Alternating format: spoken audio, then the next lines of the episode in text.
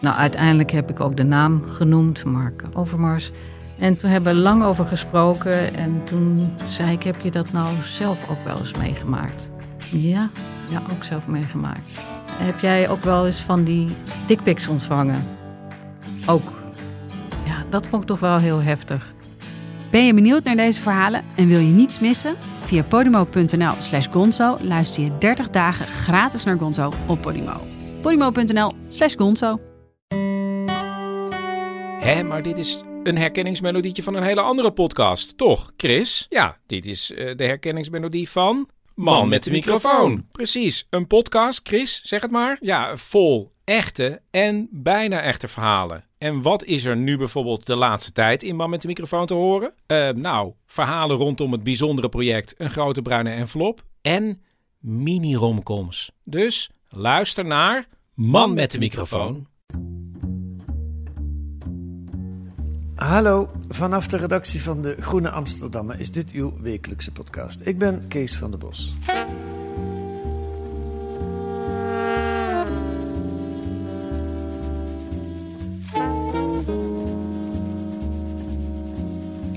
We duiken een stukje van de groene geschiedenis in vandaag. Antoine Voorbij was van 1986 tot 2006 eindredacteur, adjunct en interim hoofdredacteur van de Groene Amsterdammer. En daar leerde hij Annemieke Hendricks kennen. Een journaliste, freelancer denk ik toen, hè, voor de Groene ja. Amsterdammer. Ze trouwden en verhuisden naar Berlijn, waar ze 15 jaar samenwoonden. Ik kijk naar jou, ze knikt ja. En in 2015 overleed Antoine. Annemiek bleef achter met zijn graf in het evangelische kerkhof in die wijk. Friedrichshain in Berlijn. En over het leven op dat kerkhof schreef ze een prachtig boek. Zweites Graab halber Preis dat onlangs uitkwam. En nu zit ze hier in de podcast. Welkom Annemieke. Ja, gezellig hier weer eens op de Groene te zijn. Ja, dit gebouw is nieuw voor jou, denk ik, hè? Nee, nee hoor, nee, nee, ah, nee, Ik heb je... Uh, ik, ken natuurlijk het oude gebouw van de Groene veel en veel beter. Met die prachtige kamer van Martin van Amerongen. En die lekker rotzooierige redactieruimten. Uh, en, uh, maar ik ben hier ook wel geregeld geweest. Ah, oké. Ik ken het oude gebouw nauwelijks. Ik, ik, ben eigenlijk met de podcast begonnen sinds ze hier zitten. Um, ja, je bent weer even terug in Nederland, want je woont in Berlijn. Waar, woon je eigenlijk het meest? In Berlijn of in Nederland? Ja, ik woon eigenlijk half-half. En uh, als ik een uh, boek over een begraafplaats in Berlijn schrijf, ben ik natuurlijk heel veel in Berlijn. Ja. Maar als ik het levensverhaal van een Nederlander maak, ben ik weer meer in Nederland. Het, het is eigenlijk een enorme luxe dat, dat af te wisselen. Ik woon formeel uh, gewoon in Amsterdam ook. Ja, ja. Ben je een, een Berliner of een Amsterdamse? Ik zeg altijd, ik heb, uh, ik heb twee heimaten. Hè? Mijn Waalheimat Berlin ja. en mijn oude heimat uh, Amsterdam. Uh, ja. Maar van huis uit ben ik een Hagenees. Oh, dat is weer iets heel anders. Ja. en waar ben je, ja, misschien een rare vraag, maar waar ben je het liefste? In Berlijn of in Amsterdam? Ja, het, het leuke is dat ik elke keer als ik weer verkas, hè, gisteren ben ik hierheen gekomen met de trein dan zit ik weer ontzettend te genieten van uh, het dijkje waarop ik midden in Amsterdam woon. En uh, uh, dan wil ik er helemaal nooit meer weg. En dan ben ik in Berlijn en denk ik, oh, dit is toch het allermooiste plekje van de, van de wereld. de buurt, mijn huis. nog afgezien van het feit dat Antoine daar ligt. ik heb in beide steden vrienden en interesses. En, ja. Ja. Uh, ik weet nog dat uh, Antoine die ging wel eens in Berlijn in onze woning staan. Uh, de armen uitgespreid. Oh, hier is het leuk. Hier zou ik wel willen wonen. dus eigenlijk een soort van best of both worlds. Ja. ja. ja. waarom zijn jullie... Jullie zijn in 2000 één richting Berlijn verhuisd, maar je was al veel eerder aangehoogd met, uh, met die Duitse, met Berlijn. Hoe is dat zo gekomen? Ja, ik deed in 2001 trouwens namens De Groene mee aan een uh, journalistenuitwisseling uh, in Berlijn. Duits-Nederlandse journalistenuitwisseling. Oké. Okay. Maar ik, had, ik deed eraan mee omdat ik ook al veel over Duitsland schreef. En van 80 tot 82 in, als student in West-Berlijn had gewoond en gewerkt. En uh, Antoine is uh, meegekomen in 2001. Die had trouwens zelf al veel met Berlijn. Uh, eigenlijk omdat voor hem Berlijn uh, halverwege Moskou was. Antoine schreef veel over Russische literatuur en filosofie. En nou ja, Berlijn, dat, dat kwam al in de buurt, zeg maar. En die is meegegaan toen tijdens die uitwisseling. En toen zag ik hem naar woningen kijken. Er stond toen heel veel leeg. Er was heel veel gerenoveerd in Oost-Berlijn.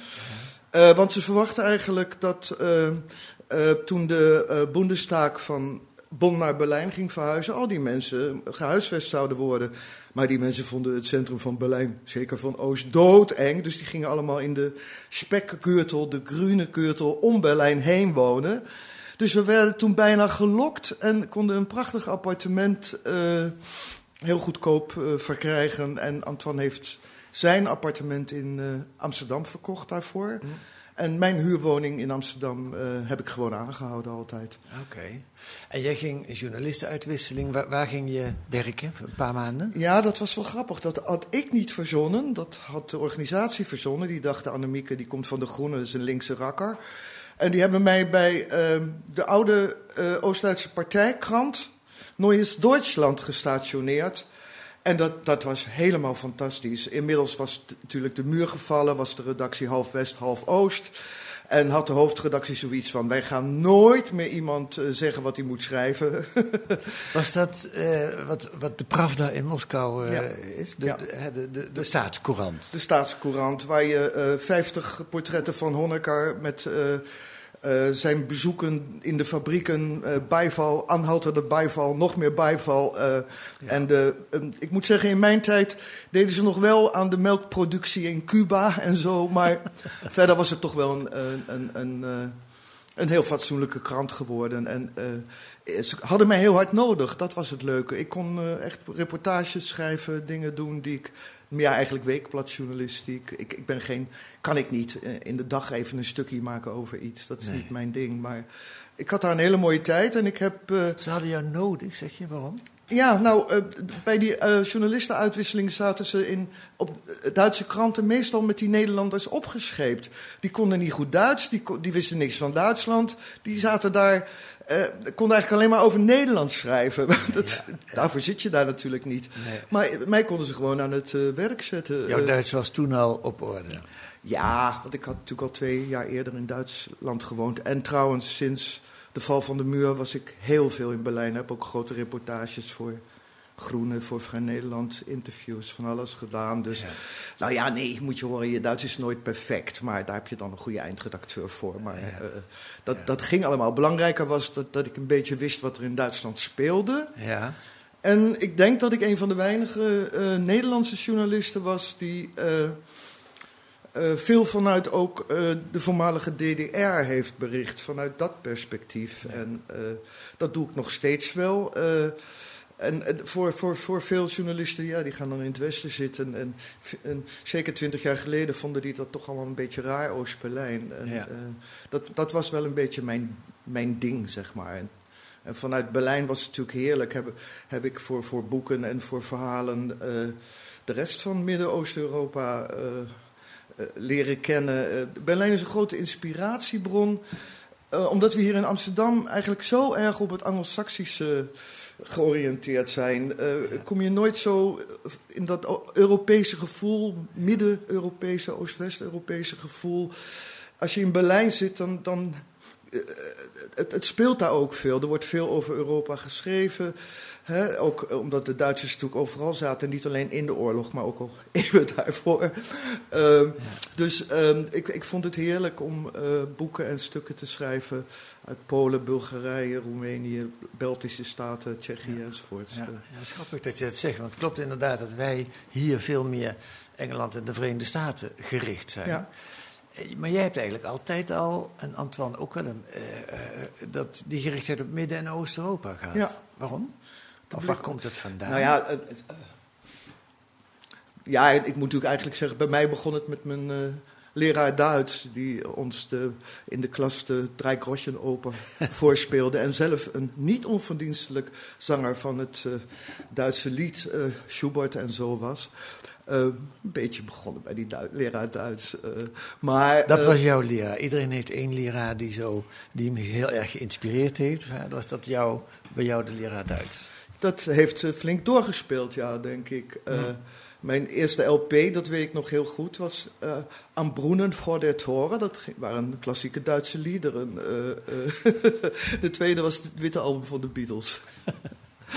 maar um, ja. ja. we hebben beide, denk ik, Antoine en ik, en dat was natuurlijk direct na de val van de muur nog sterker. Uh, dat Oost-Europa was natuurlijk ontzettend in beweging. En, en, die beweging was zo interessant. Het oude, het nieuwe. Ik weet nog dat ik in Roemenië was. En dat daar in één scène, als het ware, drie eeuwen tegelijk speelden. Uh, heb ik ook in een boek opgenomen. Uh, dat was twee, twee, bij zonsondergang passeren twee karren, paardenkarren met uh, zigeuners met zwarte hoeden erop. Ik zeg gewoon zigeuners, want in Den Haag zeiden we tegen onze zigeunervriendjes ook gewoon zigeuners. En uh, die, die passeren elkaar dan, de koeien er achteraan, die van het veld komen. En uh, ze gaan, gaan, een gesprek met elkaar aan, zolang ze elkaar kunnen verstaan. Ja. Nou, die karren die zijn dan op een gegeven moment te ver weg van elkaar. En dan pakken ze hun mobiele telefoontje en gaat het gesprek verder ja, ja, nou dat is voor mij Oost-Europa. Uh, ja. Omdat oud en nieuw, alle, het oude bestaat daar nog. Ja, het is ook leuk om. om hè, de, de, uh, we waren allebei wel zeer geïnteresseerd ook in uh, de modernistische en ook klassicistische Oost-Europese architectuur en hoe die steden gebouwd zijn. En, en de, de, de resten. Ik weet nog dat we in de provincie Kaliningrad, de exclave Kaliningrad, prachtige oude, on, onverwoeste Pruisische kuuroortjes uh, tegenkwamen. Waar alles er nog zo uitzag. Hout allemaal prachtig. Met die blauwe Russische verf, een beetje overgeverfd. Uh, ja, het, een grote ontdekkingstocht. Ja, uh. ja. Ik twee zo zitten praten, denk ik. Is dat het? Misschien de, de, de geschiedenis, de liefde voor de geschiedenis, die daar nog veel meer in stand gehouden wordt. Ik kom ook wel eens in Berlijn, niet zo vaak, maar ik ben al een paar keer geweest. Dan is ook het eerste wat me overvalt, is de geschiedenis die daar allemaal heeft gespeeld in die stad. Ja, nou, mij uh, in stand wordt gehouden. Ik heb vrij veel geschreven, ook in boeken, over de verwerking van de geschiedenis in Midden- en Oost-Europa. Um, en dat, dat is uh, fascinerend. Uh, en, en, natuurlijk ook met name de beroerde verwerking van twee dictaturen Hè, het, het, fascisme en het communisme.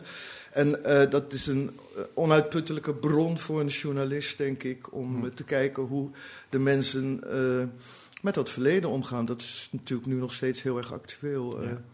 Ja. Laten we naar het Friedhof gaan.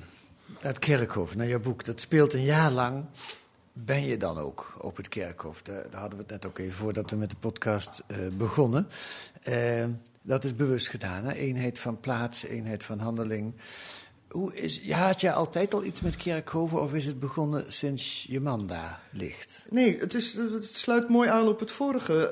Uh, ik heb altijd, zeker in Midden- en Oost-Europa, uh, overal kerkhoven bezocht. En uh, dan zie je bijvoorbeeld hoe de bevolkingssamenstelling in, in, de, in de 20e eeuw veranderd is. En uh, wie ligt daar nou en wie is daar geboren? Wat voor namen horen daarbij? Ik weet nog dat ik in uh, Jelenia Góra, oude Duitse Grünberg, Jelenia Góra in, in Polen, in Silesië, uh, bij een kerk op. ja, dat waren van die prachtige mausoleums die direct na de oorlog weliswaar uh, flink verwoest waren. Maar uh, dan kijk je toch, hoe gaan ze nu met die Duitsers om die daar liggen? En die kregen toch, sommigen kregen, wat er dan nog lag, kregen toch met, met 1 november, met alle zielen, een kaarsje van de Polen van nu.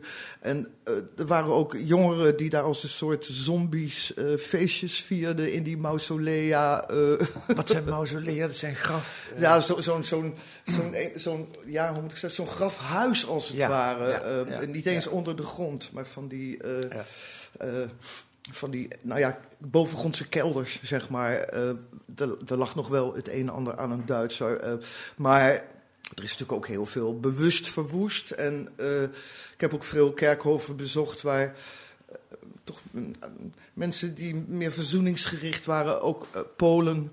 Ik heb een boek over de Pools-Duitse verhoudingen geschreven, wat eigenlijk een fietstocht is langs de Oder en de Nijze. Mm Gespleten land. Het begon als een serie voor de Volkskrant.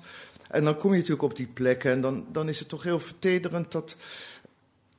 Terwijl er door Poolse jongeren uh, hakenkruizen worden neergezet. Dat, dat anti-Duitse sentiment. Uh, uh, dat er ook een Poolse oude baas is die probeert zo'n oud Duits kerkhof weer op te ruimen. met, met schoolkinderen schoon te maken.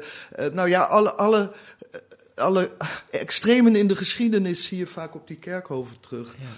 En wat is het nou in het, het kerkhof wat jou trekt? Want het, het is een, een, een, dode akker, hè? daar liggen allemaal dode mensen.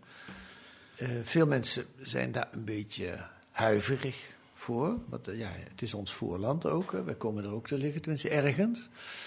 Um, dus los van die geschiedenisdingen, is er ook nog iets iets anders wat jou trekt in het, in het, in het kerkhof zijn? Ja, dat, dat, heb ik eigenlijk uh, geleerd op, op ons kerkhofje. Uh, ik had eigenlijk verwacht dat Antoine is een hele moderne, moderne man, dat hij uh, gecremeerd zou willen worden. Maar die had mij ooit gezegd, nee, ik wil begraven worden. ik had het nooit helemaal begrepen, maar ik heb van zijn broer begrepen dat... kijk, hun vader was Azalia-kweker in, in Boskoop. Ja. En dat moet toch iets, zei die broer, van uit de aarde komen en weer in de aarde teruggaan. Uh, zoiets heeft er gespeeld. Ka katholieks voor mijn gevoel, was die ook katholiek? Ja, nou ja, goed. Antoine was natuurlijk zo'n afvallige katholiek die marxist ooit geworden was. En toen een linksliberaal, zeg maar, uiteindelijk. maar wel een enorme kennis, ken, kenner van het marxisme. Ja. Um, maar... Uh, maar ik denk dan, nou, daarom zeg ik het, van stof zijt gij en tot stof zult gij wederkeren. Dat is Ja, maar dat is toch niet typisch voor de katholieken? Ik weet het niet. Ik ben ook katholiek opgevoed, dus ik denk het. Maar misschien is het bij de protestanten net zo.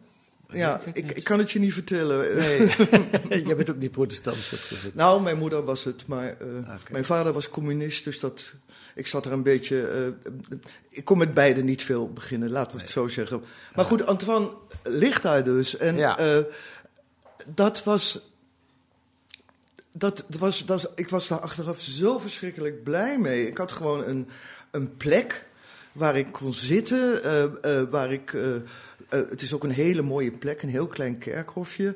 Um, en hij was daar gewoon. En toen ehm, kreeg ik het aanbod, toen ik hem daar moest registreren bij, die, bij dat kerkhofbeheer... kreeg ik gelijk het aanbod, wat ook de titel van het boek is geworden tweede scraaphalber prijs. Um, Beetje een komisch aanbod. Nou ja, ik dacht, ik geloof dit niet. Ik heb het verkeerd verstaan in mijn uh, ellende. Uh, uh, als u uw eigen graf er nu bij koopt, dan krijgt u het voor de halve prijs. Of, of leased, of, of het is iets tussen kopen en huren in. Nou ja, ik dacht dat moet ik sowieso maar doen. Ik had daar nog helemaal nooit over nagedacht. Want straks komt er nog iemand anders naast Antoine liggen. Dat moeten we niet hebben. Wist jij wel dat je ook begraven wilde worden? Of heb je het ter plekke bedacht? Dat wilde ik helemaal niet. Um, um, eigenlijk. Uh, mijn moeder had altijd gezegd, en daar heb ik ook voor gezorgd. Die ging een maand na Antoine dood trouwens, twee maanden. Uh, dat ze haar lichaam ter beschikking van de uh, wetenschap wilde. En ik, had al, ik heb er nooit zo over nagedacht, maar ik dacht, oh ja, dat, dat ga ik dus ook doen. Uh, wat even een zijsprong uh, niet meevalt, want ongeveer de helft van alle Nederlanders hebben ook besloten dat dat een heel goed idee is. En toen mijn moeder eenmaal in een verpleeghuis zat en ik dat meende te moeten regelen heb ik alle academische ziekenhuizen en zo afgebeld. En oh, oh, wat een geluk. Ze kon in Nijmegen terecht. Ik heb maar niet verteld dat ze bij de katholieken uh, dan terecht zou komen.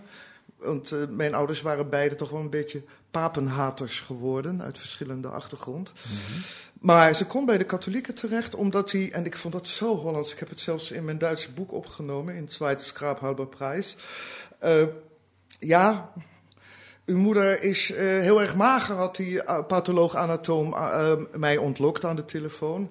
Oh, mooi, dan kan ze hier wel terecht, want in vette mensen is het zo beroerd snijden. En ik vond dat zo'n Hollandse opmerking. Ja, ja, maar je bedoelt, het was dus niet zo makkelijk om je licht... Om... Nee, dat, het is ontzettend moeilijk om je ehm, er zijn enorme wachtlijsten als je lichaam ter beschikking van eh, de wetenschap wilt stellen. Ja. Ehm, dus, ehm, nou ja, het was toen logisch dat ik eh, naast Antoine eh, Ja. zou komen te liggen. En eh, heb toen weliswaar de volle prijs moeten betalen, want ze hebben natuurlijk later ontkend dat ze mij dit, eh, dit koopje, eh, tweede half, graf halve prijs, hebben aangeboden. Nu heb ik later van anderen gehoord dat die precies hetzelfde koopje aangeboden hadden gekregen. Het lijkt, Eh, ja, het lijkt toch een marketingtruc van het kerkhofbestuur ja, en ik werd door die evangelische mensen voor leugenaar uitgemaakt. Antoine Ja. is nog geen do- eh, week dood. En eh, ja, ik heb nog nooit zoiets meegemaakt als die. eh, weet je, dat zijn. Het is een Oost-Duitse evangelische. en eigenlijk zijn. In mijn herinnering zijn dat hele nette mensen. Dat zijn mensen die hè, in de DDR tegen het regime protesteerden. Maar eh, dit waren een soort mensen eh, die blijkbaar uit allerlei beroepen eh, daar een baantje hadden gekregen bij die uh, Friedhofsverwaltung. En eh, ik heb nog heel eh, vals in het boek geschreven. Deze vrouw had in de DDR vast eh zwijnen gezüchtet, eh, varkens eh, gekweekt.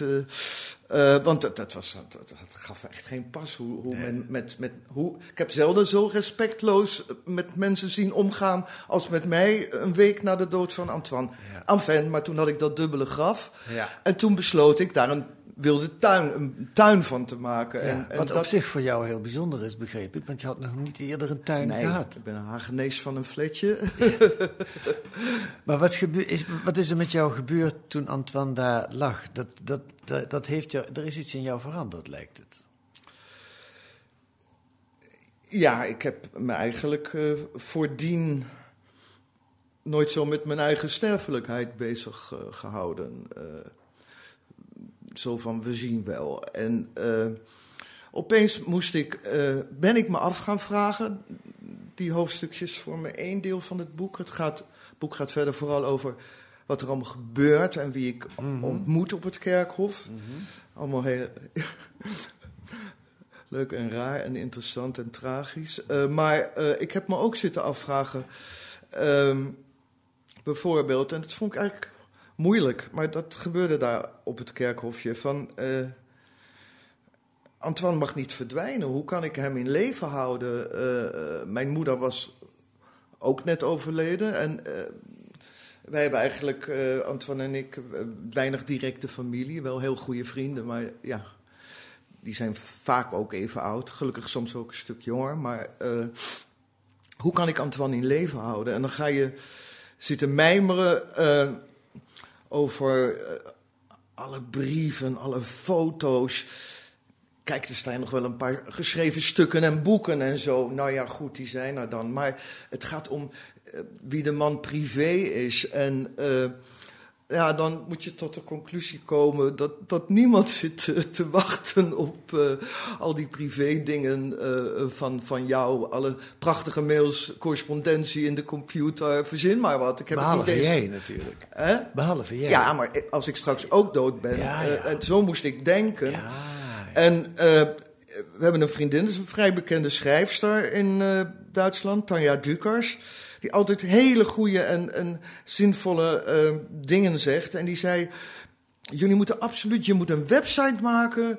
waar je het leven van Antoine en jou in tekst en foto's... Ik zei, dank je Tanja, nu weet ik het. Dat ga ik dus niet doen. Ik heb altijd eh, over anderen willen schrijven, Antoine ook. En eh, eh, ik dacht al, dan moet je... Zei, nou, dan neem je 500 foto's. Is ongeveer een half procent, denk ik. Nou ja, weet ik veel.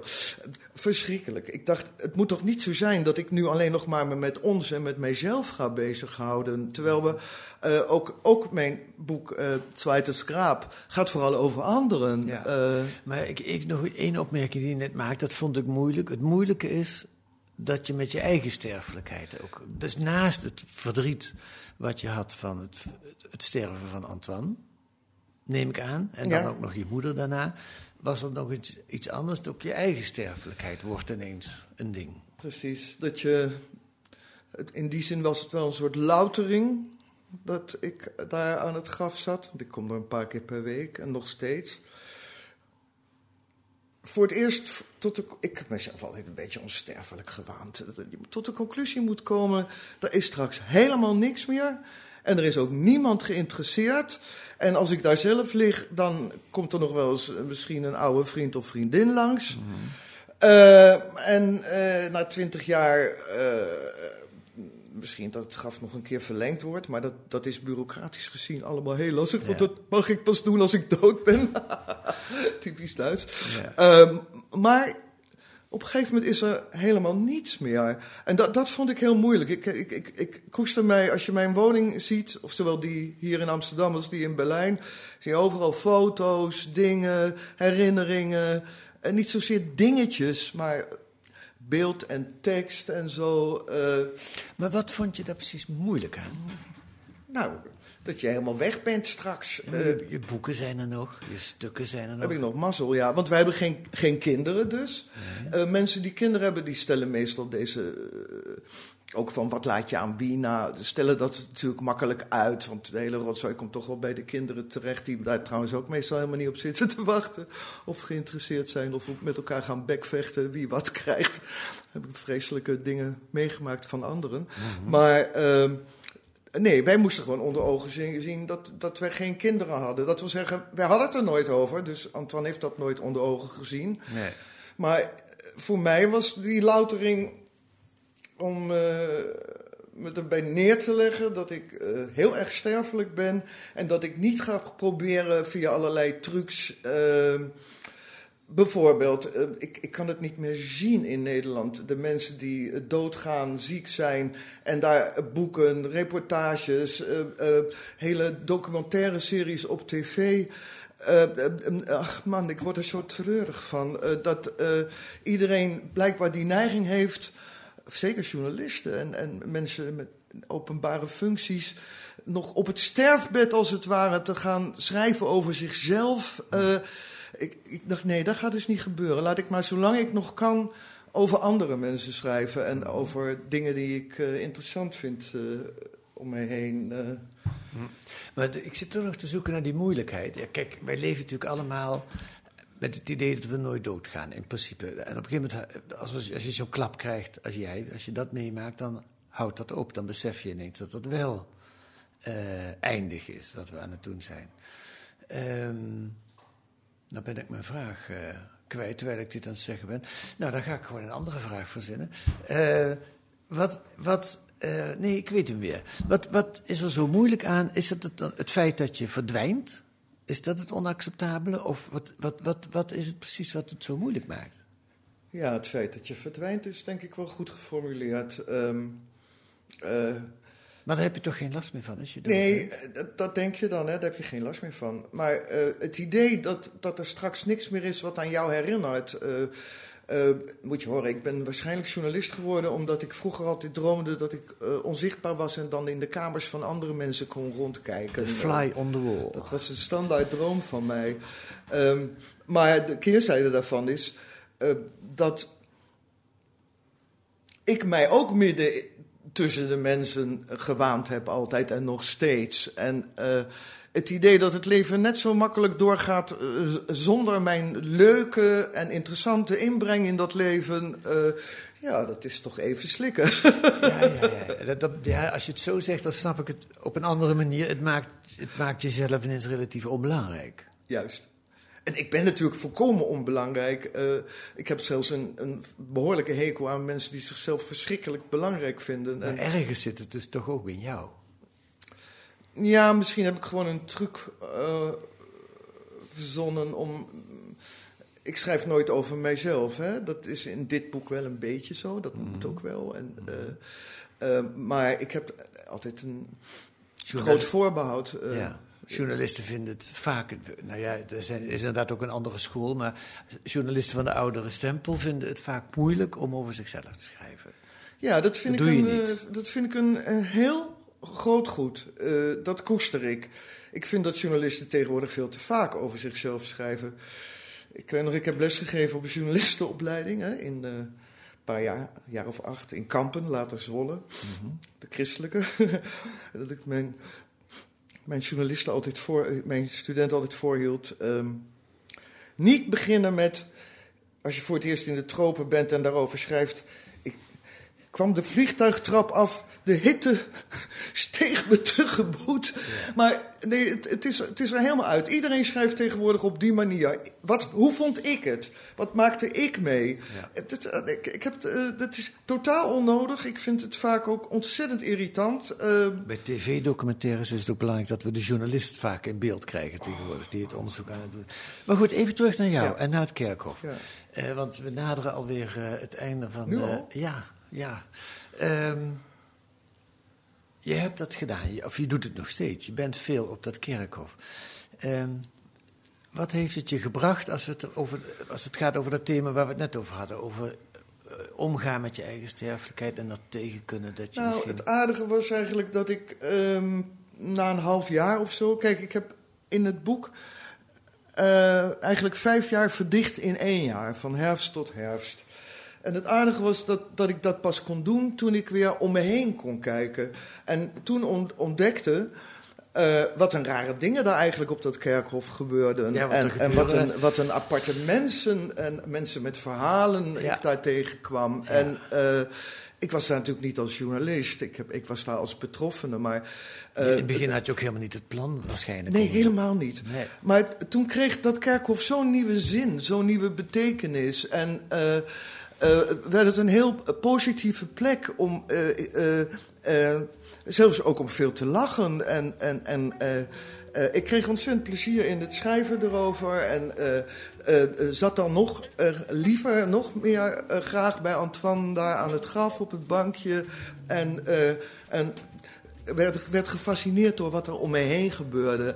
En dat was eigenlijk de, de, de, de, de goede kant van eh, eh, wat er met mij op het kerkhof gebeurde. eh. En Antoine was er altijd een beetje bij. En dat, dat, nou, dat is misschien wel het, het meest optimale wat je, zoals je het kunt hebben qua leven en dood. Dat lijkt me een mooie afsluiter van dit interview. Annemieke Hendricks, dankjewel voor dit gesprek. Graag gedaan.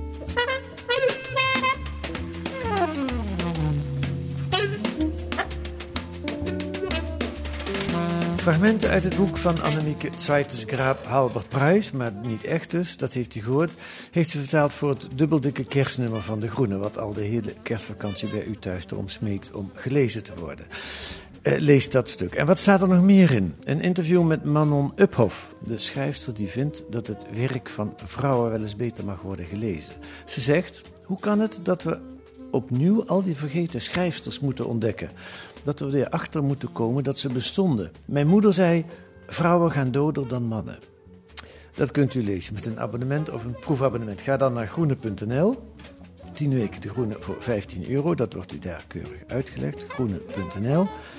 Wilt u reageren op deze podcast, dan kan dat via de mail. Ons adres is podcast.groene.nl.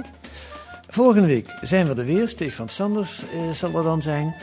Met analyses en achtergronden bij het nieuws in deze podcast van de Groene Amsterdammer. Die deze week werd gemaakt door Jitka Marks en Kees van der Bos. En de muziek is het Tune for N van Paul van Kemenaren.